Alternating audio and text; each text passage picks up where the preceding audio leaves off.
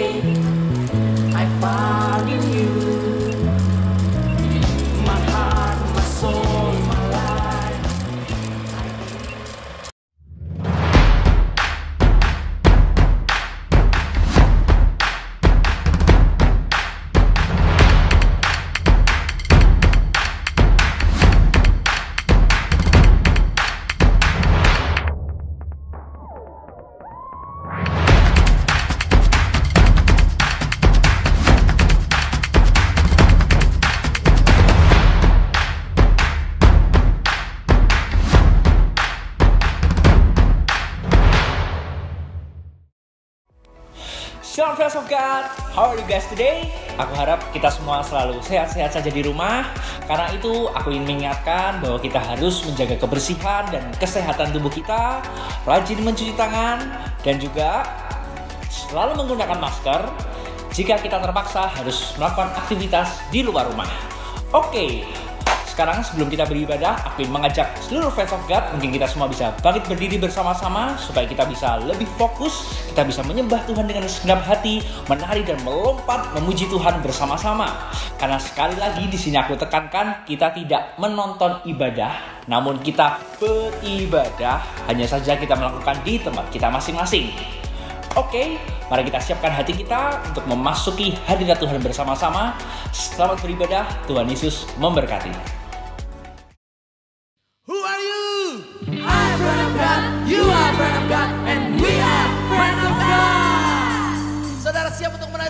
Bersama-sama? Mari.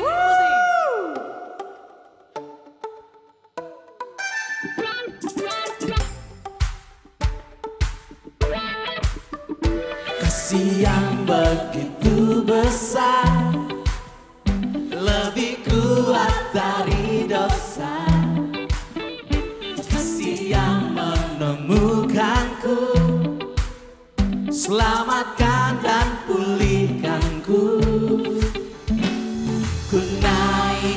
Ku tak akan berhenti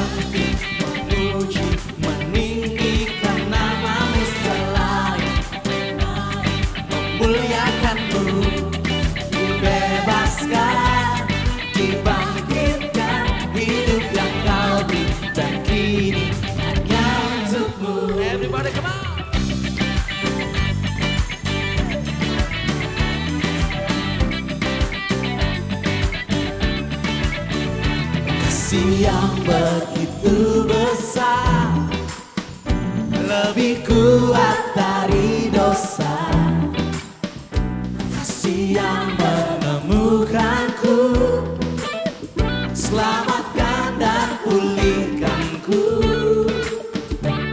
Ku naikkan syukurku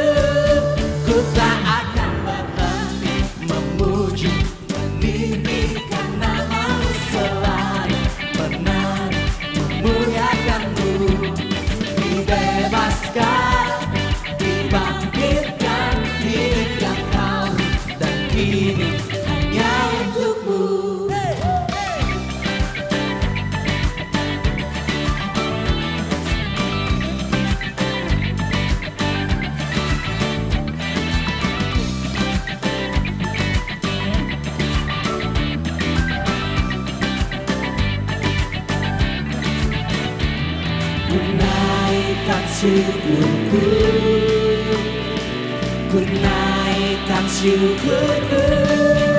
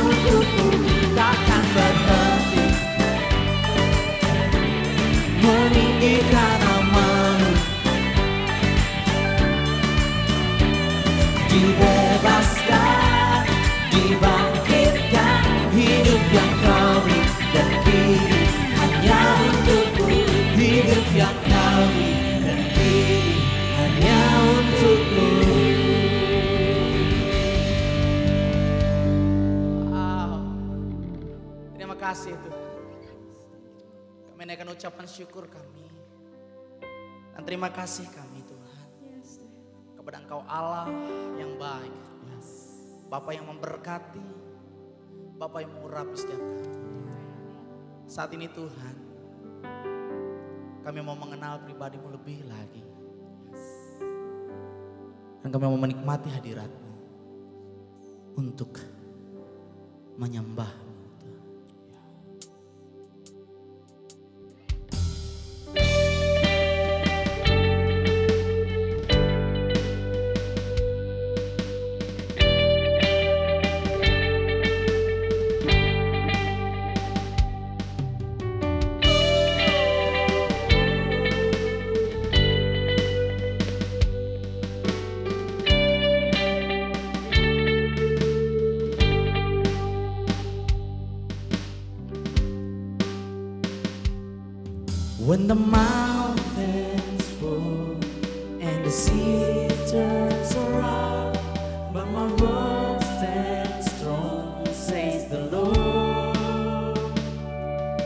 When the world gets down, feel the broken heart.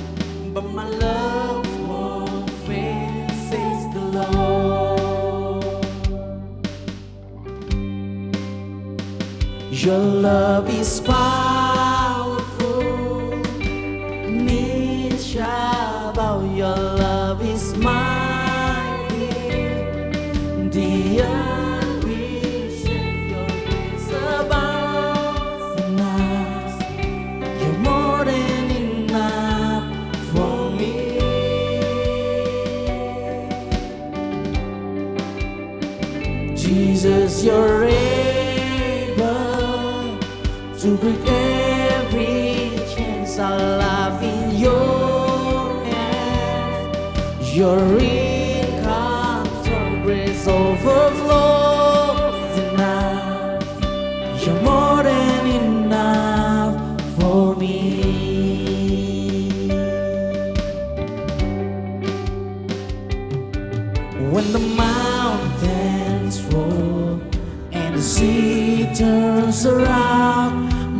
power.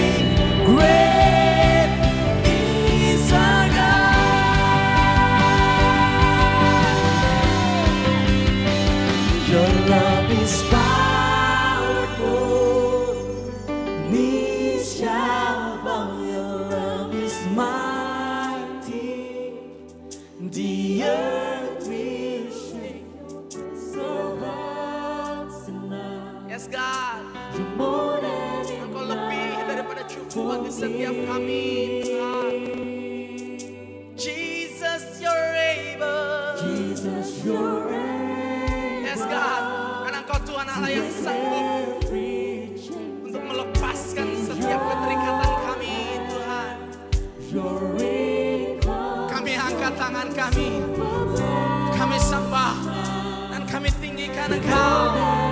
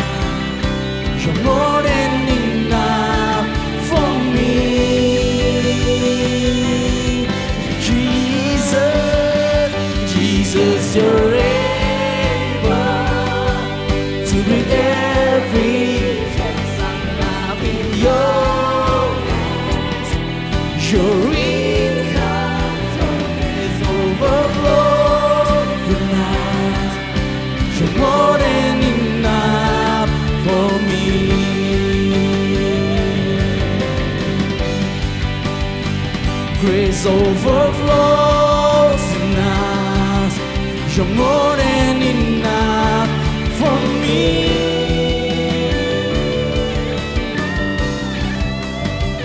Grace overflows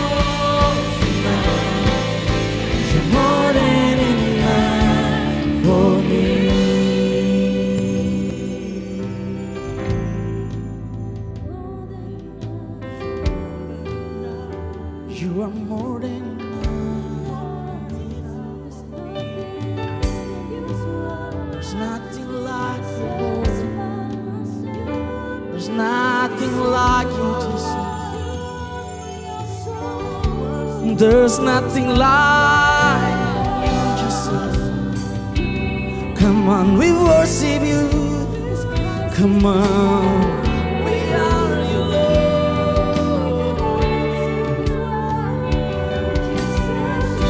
Mari sembah dan tinggikan dia. Mari agungkan dan muliakan dia Raja. Yes. Ya, tak peduli betapa besar masalahmu. Betapa besar pergumulanmu. Dia lebih daripada cukup. Dia lebih daripada cukup. Semua. Oh Jesus. Oh Jesus. Ku sembahkan. Ku pujakan.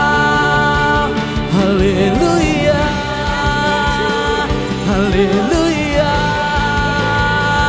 Haleluya. Oh, oh, oh. Terima kasih Tuhan.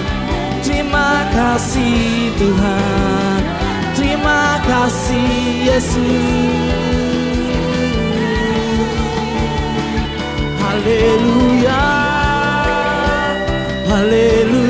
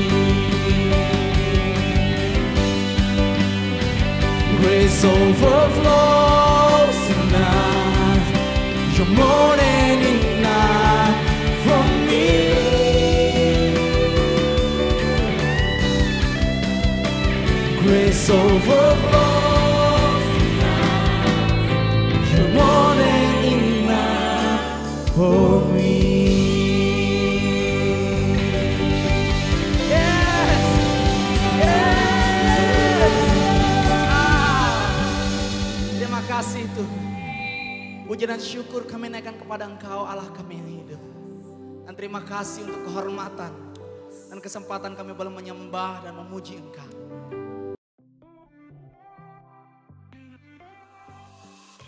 Welcome, selamat datang di ibadah online keluarga Allah. Saudara semua seluruh jemaat, pelayan Tuhan dan semua leaders di rumah saudara masing-masing mengikuti ibadah online ini. Saya ingin menyambut saudara di dalam kasih Tuhan kita, Yesus Kristus. Saya percaya bahwa Tuhan itu tidak terbatas. Jadi di mana pun Anda berada hari ini, saya percaya Tuhan akan jamah saudara, kuasanya akan dia lepaskan, mujizatnya terjadi. Anda percaya itu? Ya, dan saat ini mari kita persiapkan persembahan kita yang terbaik kepada Tuhan. Filipi 4 ayat 19 berkata begini, Allahku akan memenuhi segala keperluanmu menurut kekayaan dan kemuliaannya di dalam Kristus Yesus. Jadi apa pun yang menjadi pergumulan saudara pada masa krisis seperti sekarang ini, saya mau katakan sama saudara, selama engkau berjalan bersama dengan Tuhan, selama ada perkenanan Tuhan di dalam hidup saudara, saya percaya Anda tidak akan kekurangan, Tuhan akan turut campur, Tuhan yang akan mencukupi dan memenuhi segala kebutuhan saudara. Itu sebabnya, ayo mari dengan hati yang penuh sukacita, dengan hati yang penuh ucapan syukur, kita bawa persembahan kita yang terbaik kepada Tuhan. Dan juga hari ini adalah minggu pertama dari bulan ini juga dan setiap minggu pertama setiap bulan selalu kita membawa persembahan persepuluhan kita kepada Tuhan. Jadi saudara silahkan persiapkan persembahan persepuluhan saudara, persembahan mingguan saudara. Ya, mari kita bawa yang terbaik hanya kepada Tuhan saja. Anda yang mau memberikan persembahan, nanti saudara bisa uh, scan barcode yang ada di bawah ini, ya, atau saudara bisa pakai mobile banking atau internet banking. Anda transferkan ke rekening gereja kita yang berikut ini. Saya percaya penyediaan dari Tuhan yang sempurna selalu ada di dalam kehidupan kita. Anugerah Tuhan selalu melimpah di dalam hidup kita. Jadi di mana pun Anda berada, mari bersama-sama kita angkat dua tangan kita dengan iman, kita angkat persembahan kita di hadapan Tuhan. Mari kita berdoa. Terima kasih Tuhan Yesus, kami mengucap syukur untuk momen yang indah. Kami boleh beribadah bersama-sama dari rumah kami masing-masing, tapi kami percaya kami dipersatukan dalam iman, dipersatukan dalam roh oleh kasih Tuhan. Dan saat ini kami mau bawa persembahan kami. Kami mau bawa ucapan syukur kami. Kami mau bawa persepuluhan kami. Kami mau taburkan benih profetik kami. Hanya yang terbaik saja kami persembahkan kepada Tuhan. Terima kasih Tuhan Yesus. Dalam namamu kami berdoa dan kami mengucap syukur. Amin. Amin. Amin. Silakan saudara ya memberikan persembahan saudara, mentransferkan persembahan saudara.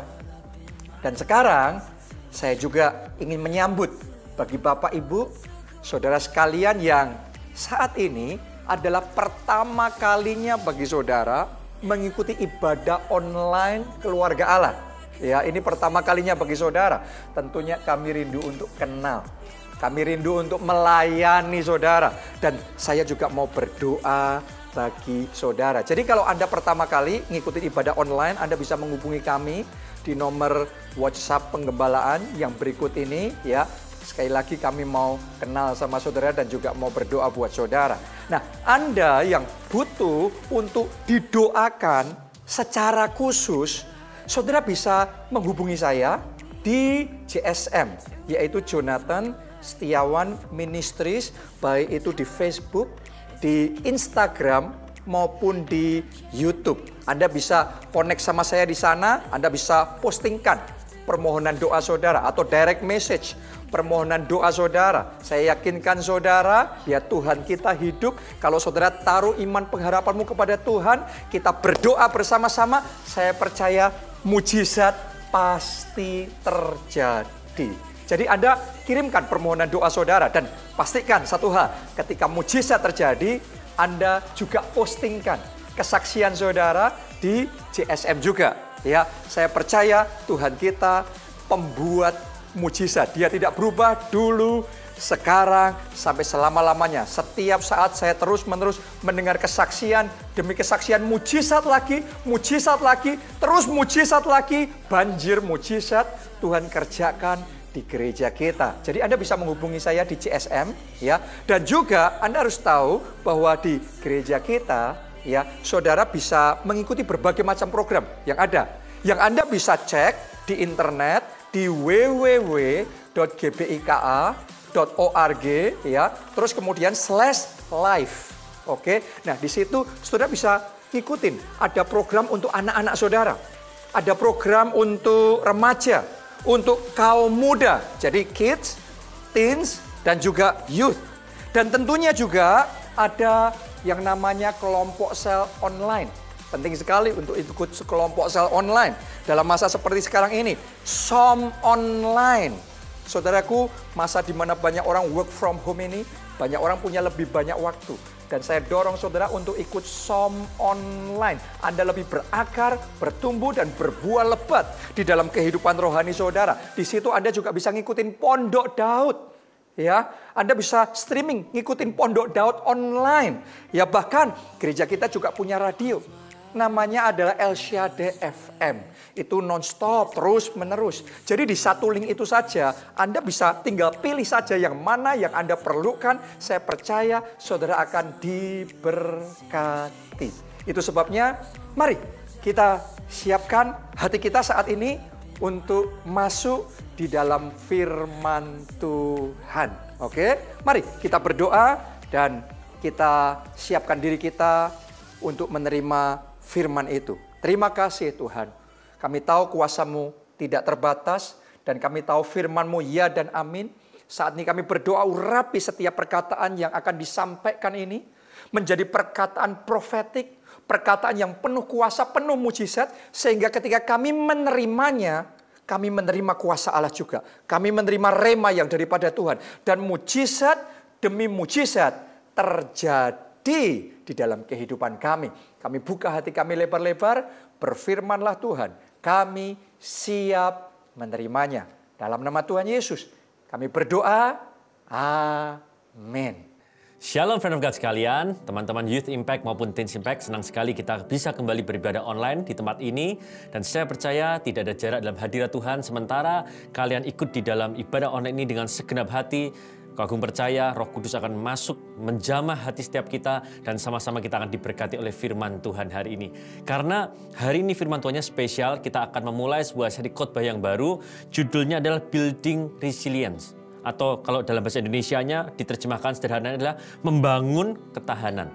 Saya berdoa setiap anak-anak muda tempat ini, teman-teman youth, teman-teman teens, di mana pun kalian berada, mari kita bangun ketahanan.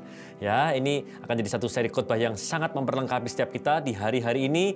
Itu sebabnya di mana pun teman-teman berada, baik dari Jogja, Solo, Jakarta, bahkan dari uh, Youth Impact mana pun, dari Nias, dari Semarang, dari Purwokerto, dari Klaten, ya kita semua mari kita satu hati sama-sama. Kita percaya kita akan diberkati lewat firman Tuhan hari ini. Amin. Semuanya siap?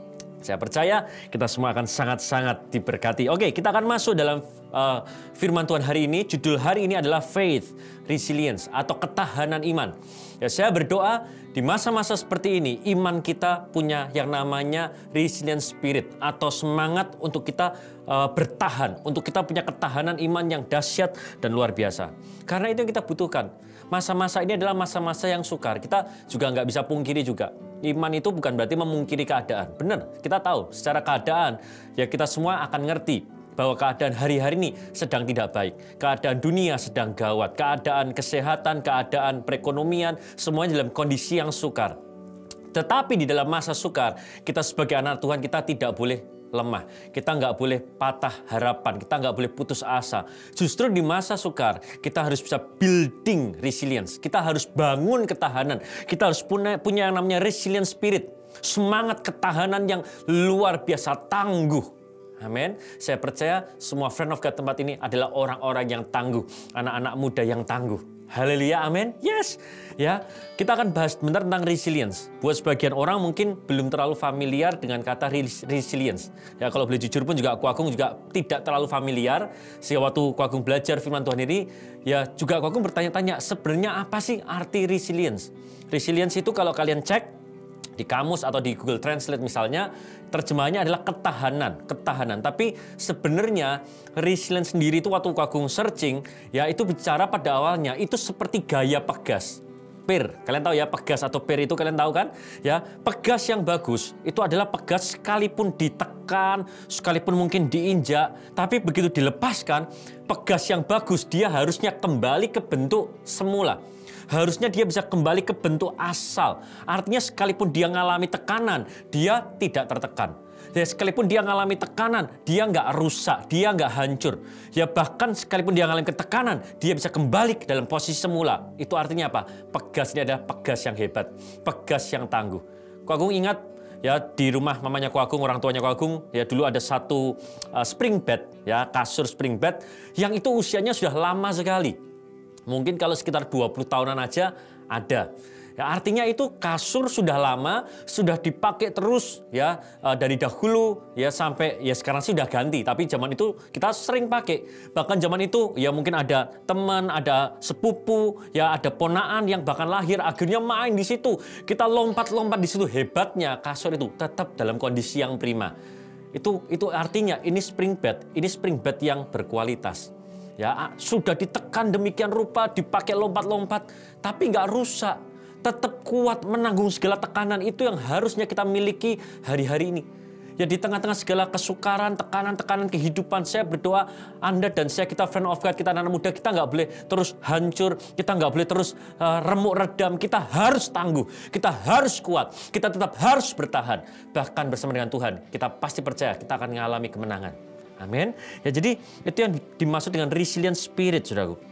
Kalau berdasarkan ilmu psikologi, mungkin ada teman-teman teens yang pengen nanti satu hari bisa kuliah psikologi atau bahkan mungkin fan of God sekalian yang kalian kuliah atau dulu kuliah jurusan psikologi, kalian mungkin familiar karena resilience dalam psikologi artinya adalah kemampuan atau kapasitas yang dimiliki seseorang untuk menghadapi masalah kapasitas atau kemampuan seseorang untuk meminimalkan atau menghilangkan bahkan dampak buruk yang bisa merugikan di tengah situasi yang sukar. Oke, jadi uh, dalam bahasa yang lebih sederhana, sebenarnya resilience itu adalah kemampuan kita untuk bisa meresponi masalah, untuk kita bisa mampu bangkit dari semua tekanan hebat yang menghimpit kehidupan setiap kita. Eh, hidup kita ini pasti ada tekanan kok. Hidup kita pasti mengalami masalah. Hidup kita sebagai anak muda bahkan pasti punya pergumulan. Apalagi dunia hari-hari ini kita masih di tengah situasi wabah seperti ini, banyak tekanan. Tapi kita harus meresponi dengan baik.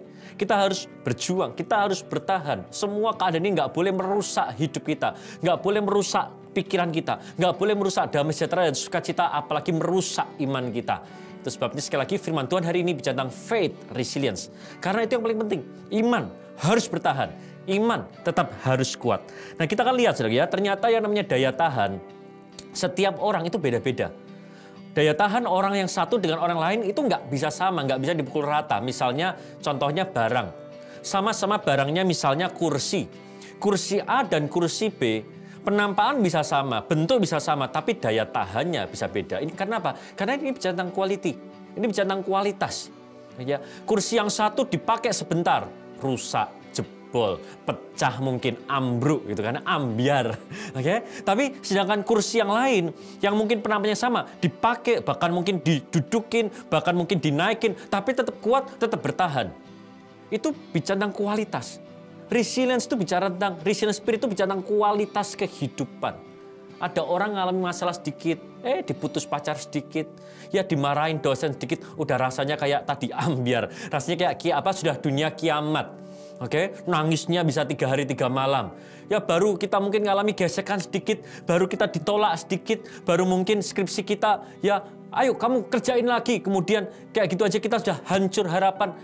Hati-hati, jangan sampai kualitas hati kita, iman kita itu jadi kualitas hati yang yang demikian rapuh. Oke, sedangkan ada orang-orang tertentu sekalipun ngas- ngalami masalah yang hebat, pergumulan yang hebat, tekanan yang hebat, yang ngalami gesekan yang hebat, tetap bisa enjoy, tetap bisa santai, santuy, tetap bisa tersenyum. Ya, saya berdoa Anda dan saya di tengah segala tekanan kehidupan dan pergumulan seperti ini, saya berdoa senyum itu nggak boleh hilang dalam hidup kita. Amin. Jadi nggak ada salahnya ya. Yuk tengah ibadah ini coba kasih smile ya. Minimal smile pada diri Anda sendiri. Smile sama Tuhan Yesus. Mari kita senyum sama Tuhan Yesus dan katakan terima kasih Tuhan. Haleluya. Jadi kita harus bertahan karena ini bicara tentang kualitas. Kualitas terbaik akan tetap bertahan di tengah, di tengah segala tekanan. Sedangkan kualitas barang yang KW, yang apa namanya kaleng-kaleng, yang yang pura-pura, begitu kalau nggak ada masalah sih kelihatannya sama. Kalau nggak ada tekanan sih kelihatannya nggak ada nggak ada bedanya. Tapi sesuatu baru akan kelihatan bedanya justru waktu ngalami tekanan. Oke? Waktu hidup kita baik-baik saja, rasanya semua anak-anak muda nggak ada bedanya. Tapi kualitas anak-anak muda youth impact dan impact baru akan kelihatan justru di tengah segala tekanan yang sedang kita hadapi hari-hari ini. Anak muda yang lain hopeless, anak muda, muda yang lain nggak punya visi, anak-anak muda yang lain sudah menyerah. Tapi saya berdoa, friend of God, bangkit luar biasa. Amin. Itulah resilient spirit. Itulah yang harusnya kita miliki sebagai anak-anak Tuhan. Ayo kita lihat Alkitab kita. 2 Korintus 6 ayat 4. Sebaliknya, 2 Korintus 6 ayat 4 ya. Sebaliknya, dalam segala hal kami menunjukkan. Ini Rasul Paulus dan semua teman-teman pelayanannya berkata, dalam segala hal kami menunjukkan ya kami tunjukkan kualitas kami beda ya kita lihat ya bahwa kami adalah pelayan Allah Oh, mereka bangga, aku ini pelayan Tuhan, kami pelayan Tuhan. Cara hidup kami harus beda. Cara hidup kami, cara kami meresponi masalah. Nggak boleh sama dengan orang dunia. Ya kita lanjutkan ya. Bahwa kami adalah pelayan Allah, yaitu, perhatikan. Dalam menahan dengan penuh kesabaran dalam penderitaan, kesesakan, dan kesukaran. Ini Rasul Paulus yang ngomong. Bersama dengan semua rekan pelayanannya kami menunjukkan bahwa diri kami ini beda sama dunia. Kami ini pelayan Tuhan, kami hamba Tuhan, kami orang yang punya iman. Kami akan tunjukkan bahwa kami bisa menahan dengan segala kesabaran. Kami tetap bisa strong, kami tetap bisa kuat berdiri di tengah segala penderitaan, kesesakan, dan kesukaran. Dan kalau kalian baca perjalanan hidup Paulus, penderitaan, kesusahan, kesukarannya itu nggak main-main. Ya, artinya yang dia sampaikan ini bukan cuma manis di bibir aja, tapi ini ini kehidupannya. Dia pernah disesah, dia pernah mengalami karam kapal, dia pernah ini itu dilempar batu, tapi dia berkata kami dengan dengan segala kekuatan menahan dengan kesabaran terhadap segala penderitaan, kesukaran, kesusahan dan semua masalah yang dihadapi. Oke? Orang dunia, orang yang nggak punya resi- resilient spirit, orang kalau nggak sadar bahwa dia punya Tuhan, ngalami masalah kayak Paulus, mungkin udah sudah give up, mungkin udah resign, udahlah nggak usah pelayanan lagi, udahlah gesekan dikit, masalah dikit, udahlah nggak usah lagi penginjilan, udahlah nggak usah lagi ibadah, udahlah nggak usah lagi komsel-komselan. Tapi beda, Paulus mengalami banyak hal yang begitu sukar, yang begitu penuh dengan tantangan, tapi bertahan dengan penuh kesabaran. Oke, nggak boleh menyerah. Saya berdoa sekali lagi anak-anak muda, youth impact apalagi yang saya kenal. Youth impact itu bukan cuma hebat di kandang, di gereja, lompat-lompat reprise. Tapi yang saya percaya anak-anak youth impact yang sejati itu punya kualitas di luar sana. Sekalipun kalian mengalami tekanan dan masalah, ayo tetap strong, tetap kuat, tetap tangguh di dalam Tuhan. Amin. Karena sudah lihat ya, yang namanya sejarah kekristenan itu ada banyak tantangan loh. Kekristenan itu bahkan dari awal, dari kisah nabi-nabi, dari kisah Alkitab, sampai zaman Tuhan Yesus, zaman para rasul. Anda lihat semuanya ngalami banyak masalah. Oke, orang-orang yang kita baca dalam Alkitab, orang-orang hebat, tokoh-tokoh hebat, pahlawan-pahlawan iman, itu adalah orang-orang yang bukan berarti nggak ngalami masalah. Justru sebaliknya, sebagian besar, bahkan nyaris semua dari mereka yang dicatat dalam Alkitab kita yang kita baca setiap hari, itu adalah orang-orang yang mengalami tekanan hebat. Abraham mengalami masalah nggak? Masalah. Tapi hebatnya Abraham bertahan menantikan janji Tuhan puluhan tahun, menantikan anak perjanjian. Itu nggak itu nggak mudah loh. Secara manusia jelas itu adalah satu tantangan. Yusuf, Oh itu kalau dia nggak punya resilient spirit, dia udah mau dibunuh kakaknya, di, apa, dilempar ke sumur, kemudian dijual, kemudian di, di negeri orang sendirian, ya kemudian ngalami hal yang nggak nggak baik, masuk penjara, difitnah. Itu kalau Yusuf nggak punya resilient spirit, saya yakin dia udah gantung diri mungkin. Mungkin dia udah bunuh diri, udah hopeless. Oke? Tapi sekali lagi saya bangga. Tokoh-tokoh Alkitab yang kita baca, itu orang-orang yang punya resilient spirit yang hebat sekali. Abraham, Yusuf, siapa lagi misalnya? Daud. Daud juga alami, dikejar-kejar Saul sekian tahun. Waduh, sudah nyaris ketangkep, sudah nyaris ya tertangkap, tetap luar biasa bertahan. Itu hebat, saudara. Oke? Anaknya sendiri berontak sama dia, mau nyaris bunuh dia, tangkap dia. Dia harus keluar dari istananya. Tapi dia tidak sekalipun mengeluh sama Tuhan. Dia nggak pernah mengingkari imannya. Dia tetap cinta Tuhan. Kenapa? Karena dia punya tadi satu iman yang begitu luar biasa. Contoh lagi siapa? Ayub. Kita tahu ya kisahnya ya. Wah semuanya hancur, semuanya habis. Pada akhirnya juga kesehatannya berantakan. Tapi dia dia berkata, oh Tuhan yang memberi, Tuhan yang mengambil terpujilah nama Tuhan. Dia ngomong sama istrinya, masa sih kamu mau tinggalkan Tuhan? Ya kamu mau dapat yang baik dari Tuhan, masa sekarang ngalami proses dari Tuhan, kamu nggak mau. Dan dia tidak berbuat dosa dengan mulutnya, dia nggak berbuat dosa dengan perbuatannya, dia tetap mengasihi Tuhan, dia tetap percaya sama Tuhan, sekalipun di tengah penderitaan dan kesukaran yang begitu luar biasa. Oke, tokoh demi tokoh, Tuhan Yesus misalnya, oh fight till the end di Via Dolorosa perjalanan menuju Kalvari Golgota itu, oh harusnya Yesus sudah kolaps, harusnya Yesus sudah ambruk. Bahkan mungkin ya harusnya secara manusia fisik ya Yesus sudah habis-habisan, dia udah udah berdarah-darah, dehidrasi, dia harus pikul salib, harusnya sudah give up. Tapi saya yakin dalam keadaan begitu kesakitan, Yesus kuatkan hatinya berkata, ini belum selesai. Sampai akhirnya Yesus selesaikan di kayu salib dan berkata, sudah selesai. Oke, artinya ketika Yesus belum selesai, ya dia nggak akan selesai. Apa pun yang terjadi, dia tetap kuatkan hatinya. Saya mau katakan hidup Anda dan saya belum selesai. Dunia ini belum selesai. Kiamat belum datang. Yesus belum datang dua kali. Itu sebabnya di tengah-tengah segala masalah ini, kita harus bangkitkan iman kita, kuatkan dan teguhkan hati kita kembali. Amin. Para rasul, apalagi Paulus tadi kita baca. Orang-orang yang tangguh kekristenan itu bicara tentang orang-orang yang tangguh. Yes, nenek moyang kita bukan orang-orang yang cengeng. Oke? Orang-orang yang membangun kekristenan. Ya, nenek moyang gereja kita itu bukan orang-orang yang cengeng yang lemah. Mereka mengalami yang namanya gereja dibakar, mereka mengalami zaman Romawi, zaman dahulu, ditangkap, disiksa, disalibkan, waduh, di- dibuat tontonan, ya di, diumpankan ke singa, tapi mereka tidak pernah menyerah. Itulah kekristenan. Oke, kekristenan di zaman kita nggak boleh luntur. Kita hidup di zaman jauh lebih enak. Tapi bukan berarti terus kita punya iman jadi lembek dan loyo. Saya berdoa, aku agung berdoa dalam nama Tuhan Yesus. Seperti nenek moyang kita yang begitu luar biasa. Anda dan saya kita juga punya iman yang tidak bisa digoyahkan oleh apa pun juga. Amin. Jadi hari ini saudaraku, ayo. Dalam situasi seperti sekarang kita harus sadar ada DNA yang tangguh. Anda bukan lagi anak-anak gampangan. Ibrani berkata, kita bukan anak-anak gampangan. Jangan gampang menyerah. Yang skripsinya ditolak terus, jangan gampang putus asa. Yang cintanya ditolak terus, jangan gampang putus asa. Amin. Ayo.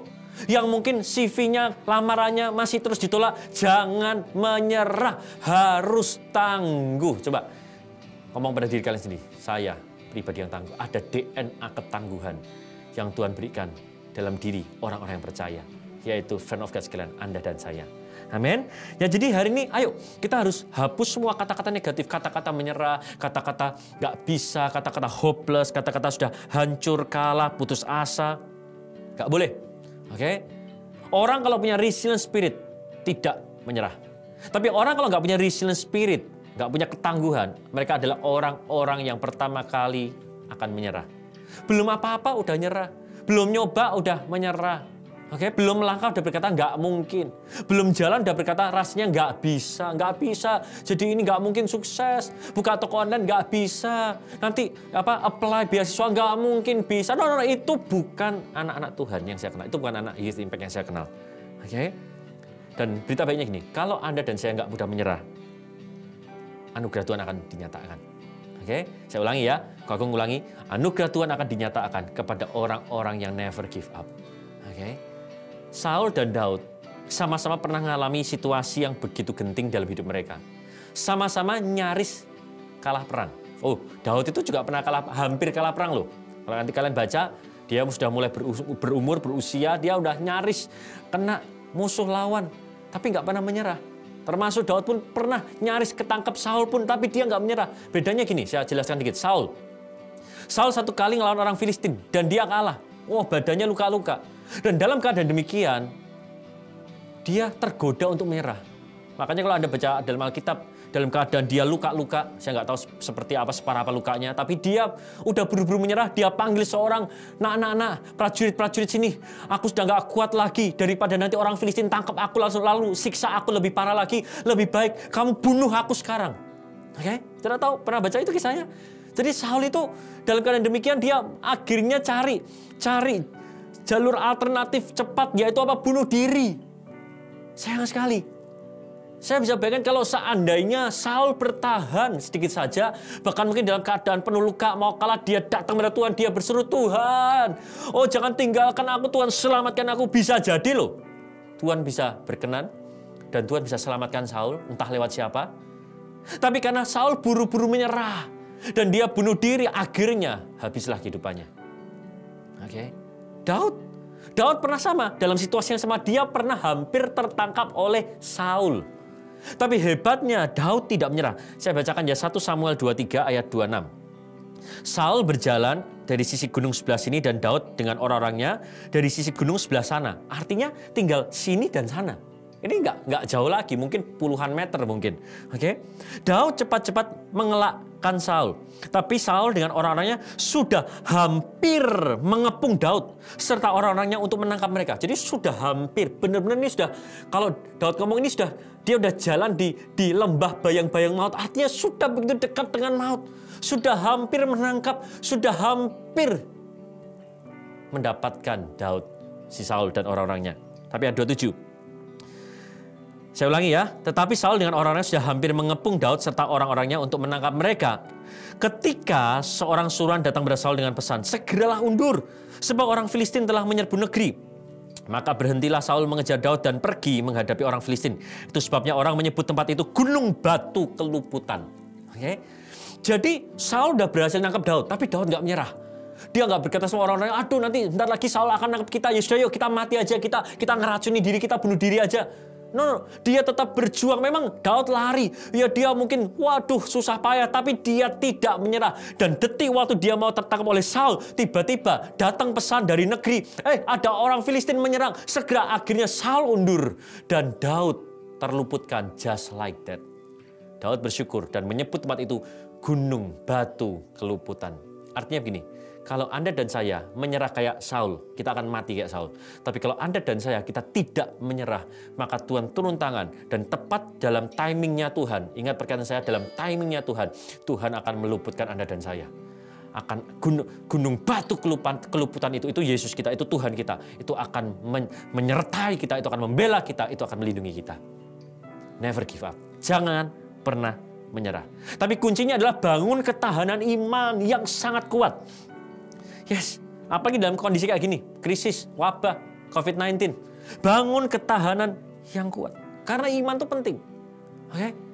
Kita harus pastikan iman kita dalam kondisi sangat prima.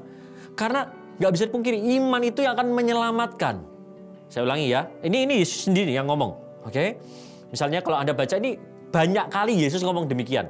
Tapi saya kutipkan dari Lukas 7 ayat 50. Oke? Satu kali ada ada orang yang datang kepada Yesus dan Yesus berkata, "Imanmu telah menyelamatkan engkau." Jadi iman itu akan menyelamatkan dan ini bukan cuma kata-kata manis, ini real. Iman itu akan menyelamatkan kita. Iman kita yang akan menyelamatkan kita dari kondisi dunia hari-hari ini. Iman Anda yang akan menyelamatkan Anda dari krisis ekonomi, dari sakit penyakit. Iman. Oke, Itu sebabnya kita harus pastikan iman kita tangguh, iman kita nggak boleh loyo. Oke, Iman kita kepada darah Yesus yang akan membungkus kita dari sakit penyakit dan serangan virus yang ada. Iman kita kepada janji Tuhan itu yang akan mem- membuka pintu berkat di tengah krisis sekalipun. Jadi kita harus tetap punya iman. Imanmu akan menyelamatkanmu. Masalahnya adalah bagaimana keadaan iman Anda. Coba, kita sudah satu bulan lebih. Kita nggak ibadah, nggak ketemu, nggak komsel. Sekalipun kita semua ada dalam ibadah online. Pertanyaan saya, bagaimana keadaan iman Anda? Oh saya bersyukur dalam kondisi seperti ini. Tuhan tetap menolong saya. Tetap punya iman yang kokoh dalam Tuhan. Itu yang harus kalian miliki di rumah kalian masing-masing. Amin. Karena nggak bisa dipungkiri. Keadaan kayak gini ini bisa mengguncang banyak banyak iman banyak orang. Kalau kondisi baik, iman baik itu gampang. Tapi iman justru diuji waktu kondisi seperti ini. Waktu gak ada masalah, kita gampang ngomong percaya, percaya, percaya. Oh tahun kemuliaan, yes. Banjir, mujizat itu gampang. Tapi waktu kayak begini nih, kerjaan orang tua kalian, wah ngalami masalah, kendala, omset orang tua kalian, bahkan mungkin uang saku kalian aja nggak dapat, kerjaan kalian mulai mulai susah, ya kiriman segala macam. Masihkah Anda bisa berkata, ini tahun kemuliaan Tuhan? Yes, banjir, mujizat. Masih nggak kita bisa berkata? Karena kalau kalian nggak menjaga iman kalian tetap tangguh, hari-hari ini banyak orang yang imannya mulai goncang. Ya saya, saya, saya berdoa, di satu sisi kita harus tahu ya, kita terus berdoa, wabah ini, resesi ini, masalah semua ini segera berakhir. Tapi di sisi lain kita juga harus prepare ourselves. Kita harus siapkan diri kita dalam kondisi yang paling tidak baik sekalipun. Ya itu itu itu iman menurut saya itu iman yang balance. Kita nggak boleh cuma wah doa doa doa besok eh, apa namanya virus hilang. Yes kita berdoa buat itu dan kita percaya Tuhan bekerja tapi Tuhan punya waktunya sendiri. Dan bagian kita di sisi yang lain adalah kita harus prepare diri kita dalam kondisi selama apa pun separah apa pun krisis ini mengguncang kita, wabah ini mengguncang dunia ini. Kita harus siapkan diri kita loh. Karena mempertahankan iman dalam badai itu nggak mudah. Kalau badainya singkat ya itu masih mudah. Tapi kalau badainya berkelanjutan, mempertahankan iman di tengah badai yang berkelanjutan itu nggak gampang. Ya, itu sebabnya saya berdoa. Sekalipun ini badainya sampai kapan kita secara manusia nggak tahu, tapi lewat badai yang sampai nggak tahu kapan ujungnya pun Anda dan saya imannya tetap kuat. Amin. Itu doa saya. Itu doa aku agung buat setiap kita. Iman kita tetap kuat sungguh-sungguh. 2 Timotius 4 ayat yang ke-7. Kita percepat ya. Aku telah mengakhiri pertandingan yang baik. Aku telah mencapai garis akhir dan aku telah memelihara iman. Ya saat yang namanya pertandingan iman. Situasi dunia hari-hari inilah pertandingan iman. Oke. Dan saya berdoa di dalam pertandingan iman ini, melewati krisis, melewati wabah ini, Anda dan saya bisa seperti Paulus menang dalam pertandingan iman. Amin. Yes, imanmu harus menang. Imanmu nggak boleh goyah, imanmu nggak boleh loyo. Oke. Sekalipun aduh banyak hal terjadi, virus makin mengganas, angka kematian mungkin makin banyak, angka penularan apalagi. Imanmu nggak boleh, iman kita nggak boleh, nggak boleh mati. Oke, iman kita harus bertahan, iman kita harus kuat. Saya lihat Yusuf misalnya, tadi kita udah pernah singgungkan. Yusuf orang yang punya visi luar biasa, tapi satu kali dia mengalami masalah, dia dijual kakaknya, dia harus di Mesir sebagai budak dan mengalami banyak hal. Tapi mengalami ya masalah bertubi-tubi, tapi hebatnya imannya nggak goyah. Secara manusia pasti Yusuf pernah mengalami kan goncangan.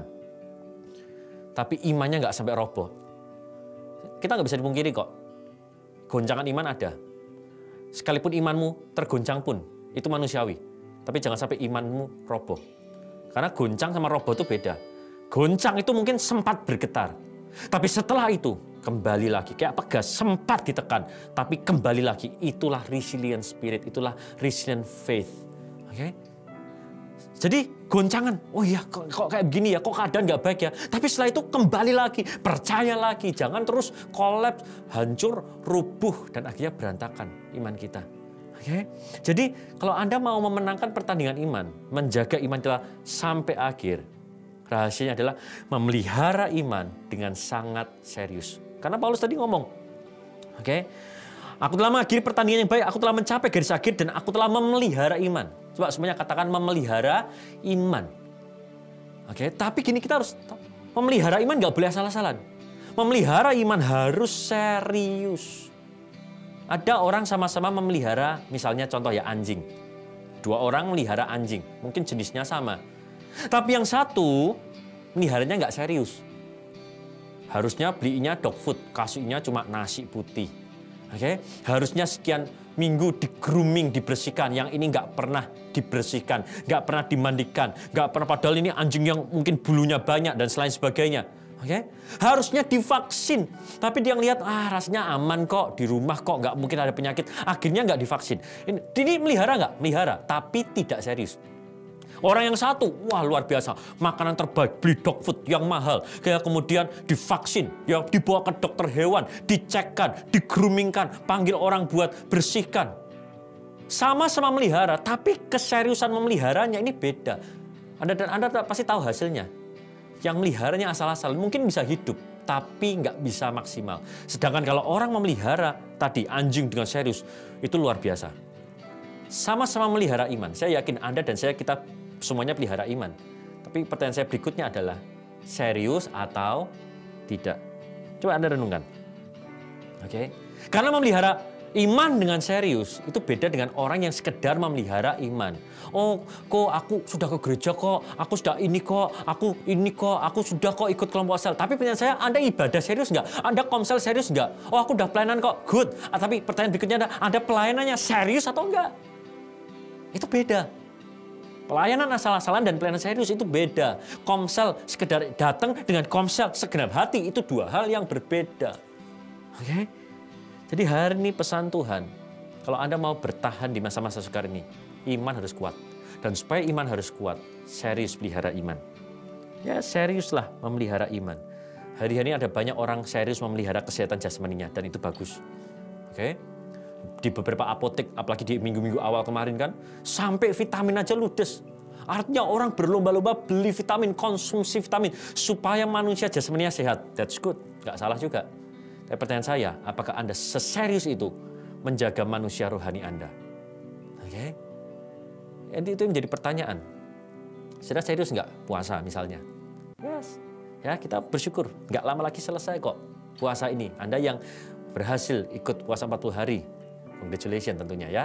ya. Jadi ayo kita sungguh-sungguh mulai serius untuk membangun kehidupan roh dan iman kita. Dan terakhir apa misalnya? Ibadah online seperti ini. Ya, berkali-kali Agung terus sampaikan ada beda antara beribadah online dengan nonton video ibadah online. Sudah belum ibadah? Oh sudah tadi. Tapi Anda nggak serius. Ya, nonton tapi sambil wah ngerjain banyak hal. Sambil ketawa ketiwi, sambil ini itu, sambil makan. Anda mungkin merasa sudah ibadah, sebenarnya belum. Itu termasuk dalam kategori orang memelihara iman tapi nggak serius. Baik sih, Anda sudah berusaha untuk ngikutin video ibadah, tapi kalau Anda nggak serius, hasilnya nggak maksimal. Itu sebabnya saya ajak rekan sekalian, ayo ibadah online seperti ini, ini, ini, ini fasilitas, ya ini wadah, seriuslah beribadah segenap hati. Ini sudah minggu yang kelima, keenam, tapi kok aku nggak capek untuk ingatkan, beribadahlah dengan segenap hati, bahkan secara online.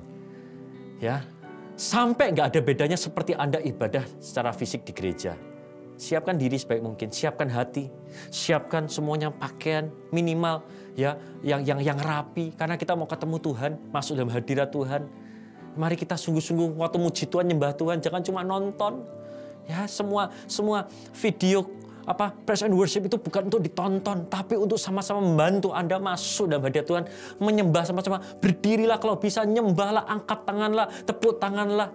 Termasuk dengarkan firman Tuhan seperti ini pun jangan jangan sambi sana sambi ini tapi sungguh-sungguh kalian segenap hati ya. Sungguh-sungguh. Saya percaya ini ini saya tahu ini masa sukar. Tapi bukan berarti mengexcuse kita untuk tidak punya apa pun iman yang kuat.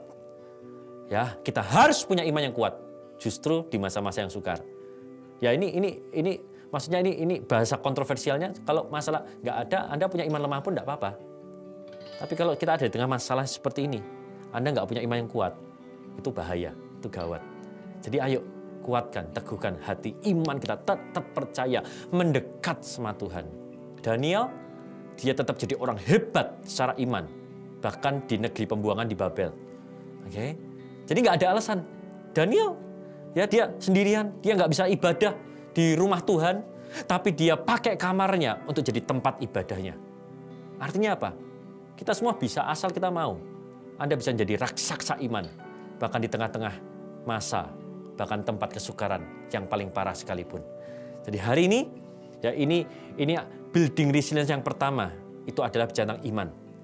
Minggu depan, depan kita akan bicara banyak yang lain, keuangan, kesehatan. Tapi hari ini iman dulu. Karena kalau imanmu nggak tangguh, engkau nggak akan bisa melalui masa-masa seperti ini. Dan supaya iman kita tangguh, jangan lupa ya pelihara iman dengan serius. Ibadah dengan serius doa dengan serius baca firman dengan serius puasa dengan serius dan lain sebagainya. Dengan segenap hati. Amin. Mari kita satu dalam doa. Terima kasih Tuhan untuk firman Tuhan. Terima kasih untuk peremaan yang begitu kuat Tuhan. Kami mau membangun ketahanan dan ketangguhan kami minta ampun kalau selama ini kami belum serius membangun iman kami, membangun manusia roh kami. Tapi mulai hari ini Tuhan, kami dengarkan firman-Mu dan kami buka hati. Kami tahu buat sebagian orang firman ini menegur, menemplak. Tapi kami buka hati kami. Dan kami mau meresponinya dengan positif Tuhan. Kami mau bangkitkan, kami mau bangun, kami mau serius membangun iman kami dengan segenap hati. Tolong kami Tuhan, karena kami tahu tanpa roh kudus pun kami nggak akan mampu. Terima kasih Tuhan, berkati semua teman-temanku di mana pun mereka ikuti ibadah online ini Tuhan. Dalam nama Yesus, iman mereka tangguh, iman mereka kuat, iman mereka tetap bertahan di masa-masa yang suka resilient spirit diimpartasikan. Di dalam nama Tuhan Yesus kami sudah berdoa. Haleluya. Amin.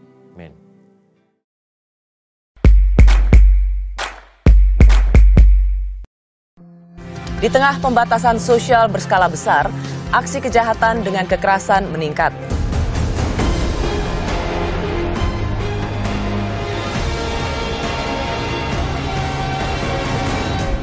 Saat ini dikatakan dunia sedang dalam kegelapan. Betul nggak saudara? Bangsa-bangsa sedang kelaman. Bangkitlah, jadi terang. Terangmu datang. Dunia memang dalam kegelapan. Bangsa-bangsa kekelaman. Takut, bingung, khawatir, nggak tahu harus bagaimana. Hatinya resah. Tapi terang Tuhan terbit atasmu. Justru kalau kau bangkit jadi terang, orang-orang berbondong-bondong datang pada terangmu dan kamu akan mengalami Tuhan raya, Tuhan jiwa.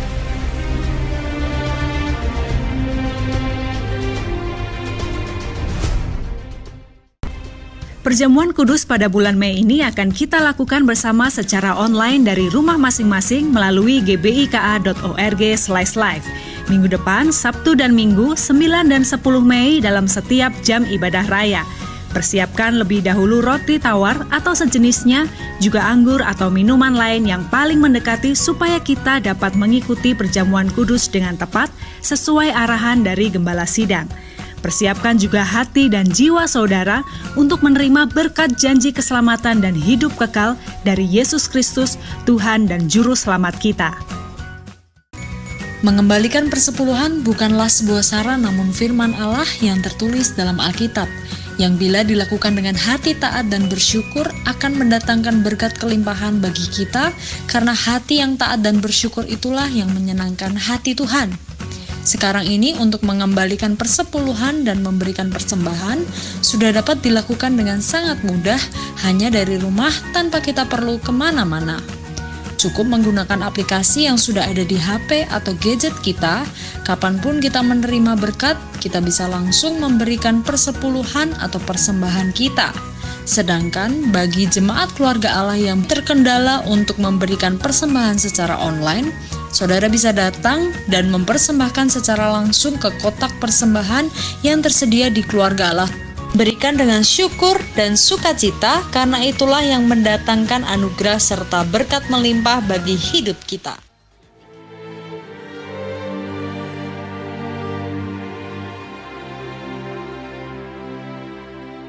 Hari ini 28 April merupakan hari pertama pelaksanaan pembatasan sosial berskala besar atau PSBB di kawasan Surabaya Raya.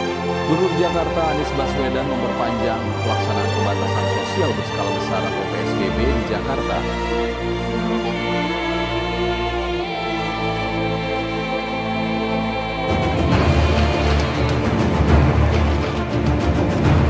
Nah, banyak orang keliru, saudara. Pikir saat ini karena COVID-19, karena resesi dunia, karena semuanya. Sekarang nggak bisa ke mana-mana, sekarang nggak bisa kerja, sekarang nggak bisa ibadah di gereja, sekarang nggak bisa melayani seperti dulu, nggak bisa. Sekarang nganggur. Kita bisa ngajak orang ibadah tanpa batas, tidak dibatasi lah oleh cara.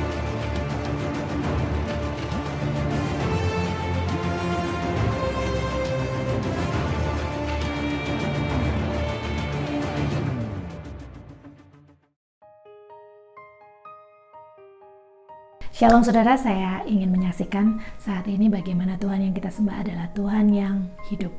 Di awal Februari ada satu uh, momen di mana saudara saya waktu itu um, tiba-tiba WhatsApp dan dia minta bantuan kepada saya uh, karena dia membutuhkan sejumlah dana yang cukup besar di hari itu. Kalau dia tidak mendapatkan dana itu, maka di hari itu juga dia akan mendapatkan kesulitan.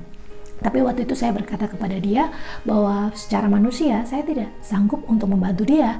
Karena di hari itu juga kalau untuk menyiapkan dana yang cukup besar maka saya bilang saya tidak bisa. Tapi saya teringat dengan pemuritan Pak Obaja.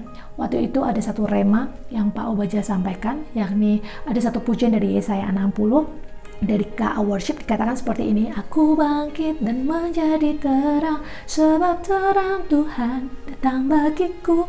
Dan saya aminkan pujian itu saudara. Saya tangkap rema itu Bahwa terang Tuhan sudah datang Itu sebabnya kegelapan semua harus menyingkir. Jadi saya mulai uh, kirimkan pujian tersebut kepada saudara saya Dan saya katakan seperti ini Kamu dengarkan pujian ini, kamu nyanyikan pujian ini Maka Tuhan yang akan menolong Bukan manusia yang menolong Tetapi kamu akan lihat Tuhan yang akan menolong dan sepanjang hari itu juga, saya juga menyanyikan pujian tersebut dan saya katakan, Tuhan aku percaya bahwa terangmu jadi, terangmu sudah jadi. Tahukah saudara di jam 5 ketika saya mau pergi untuk Pondok Daud, um, waktu itu di bulan Februari, tiba-tiba saya mendapatkan WhatsApp dari saudara saya dan dia berkata, wow mujizat telah terjadi saudara. Bayangkan nggak nyampe satu hari saudara Tuhan sudah memberikan pertolongan. Kenapa? Karena saudara saya berkata tiba-tiba Tuhan menggerakkan salah satu temannya yang bahkan bukan teman dekat untuk membantunya.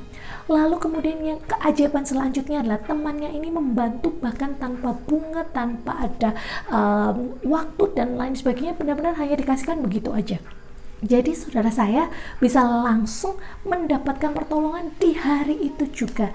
Dan bukan hanya itu, hubungan kami yang tadinya sudah memanas gitu kan saudara, itu Tuhan uh, pulihkan dan Tuhan uh, tolong sehingga benar-benar saya dengan saudara saya mengalami damai sejahtera. Ya, tahun 2020 ini saya mendapatkan satu rema dari gereja dan waktu itu remanya dari Yesaya 60 ayat 5 bahwa kelimpahan dari seberang laut itu datang dan saya aminkan saudara uh, sejak awal tahun baru itu benar-benar saya aminkan terjadi bahwa kelimpahan besar, kelimpahan dari seberang laut itu datang dalam hidup saya. Dan tahukah saudara, mulai dari Januari, Februari, Maret, secara tidak terduga, secara ajaib, ada orang-orang yang bahkan tidak pernah saya duga itu mentransferkan sejumlah dana uh, dan saya nggak tahu Kenapa? Karena ini dana buat apa saya juga nggak tahu. Yang jelas mereka memberkati saya dan saya benar-benar wow, surprise. Saya sangat terkejut. Tapi saya berkata Tuhan, saya hanya uh, mengaminkan setiap remak kebenaran firman Allah. Kalau Tuhan bilang kelimpahan dari seberang laut datang, ya datang. Saya hanya berkata seperti itu. Dan ternyata di bulan Maret uh, pandemi global terjadi. Uh, saya punya satu bisnis digital marketing agency, saudara. Dan dua tahun yang lalu, ketika saya mendirikan bisnis ini, ada banyak orang yang uh, meremehkan, banyak orang yang berkata, ah, emangnya orang mau ya uh, memakai jasa seperti ini? Tetapi saya hanya tangkap remak firman Allah. Kalau firman Allah berkata maju, jangan takut. Ya saya maju, jangan takut. Dan saya berusaha untuk tidak takut, saudara. Jadi uh, ketika saya dua tahun menjalankan bisnis ini, lalu kemudian di bulan Maret, saudara, ada pandemi global.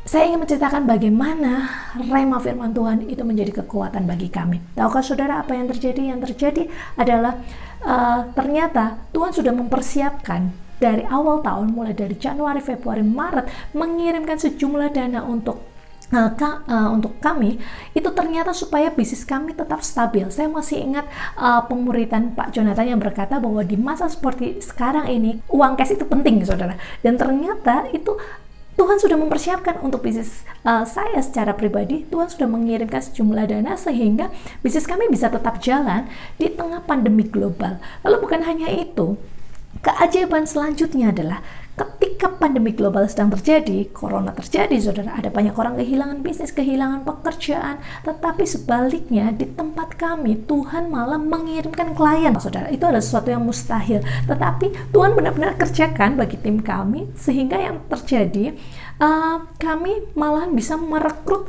beberapa orang baru saudara masuk di dalam tim kami. Tuhan membuat bisnis kami semakin naik. Itu sesuatu yang nggak masuk akal. Tetapi bagi manusia nggak masuk akal. Tapi yang kami tahu adalah itu rema firman Tuhan bahwa kelimpahan dari seberang laut datang. Terang Tuhan sudah datang dan kami katakan terang Tuhan jadi atas bisnis kami dan benar-benar terjadi.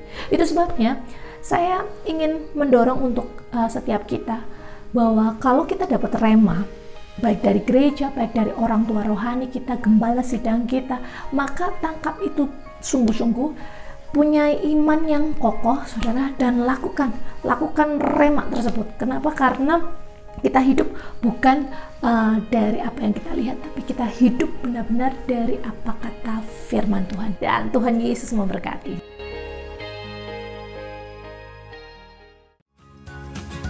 Demikianlah Revival News kita minggu ini. Sampai berjumpa kembali minggu depan.